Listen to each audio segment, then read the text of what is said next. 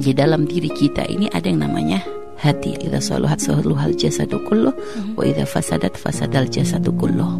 Jadi bukankah di dalam diri manusia itu ada yang namanya segumpal darah. Jika baik baik semuanya, jika tidak baik tidak baik semuanya. Yang namanya segumpal darah dalam diri kita ini yang namanya hati ini harus dijaga. Membersihkan hati secara zahir dan secara batin.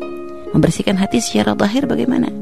Yaitu dengan cara menjaga diri kita dari segala keharaman zahir makanan yang haram, pekerjaan yang haram. Kadang ada orang tuh pengen berbuat baik, tapi karena dia selalu berkecimpung dengan yang haram, yang haram ini akan bawa berkah, akan menutup pintu-pintu kebaikan. Karena Nabi pernah cerita ada seorang berdoa, dia dengan keadaan bajunya kotor, berdebu dan sebagainya. Lalu dia mengatakan, oh ya Allah, ya Allah, ya Rabbi, ya Rabbi. Lalu kata Nabi, bagaimana doanya akan diterima? Yang diminum haram, yang dimakan haram, yang dipakai juga haram.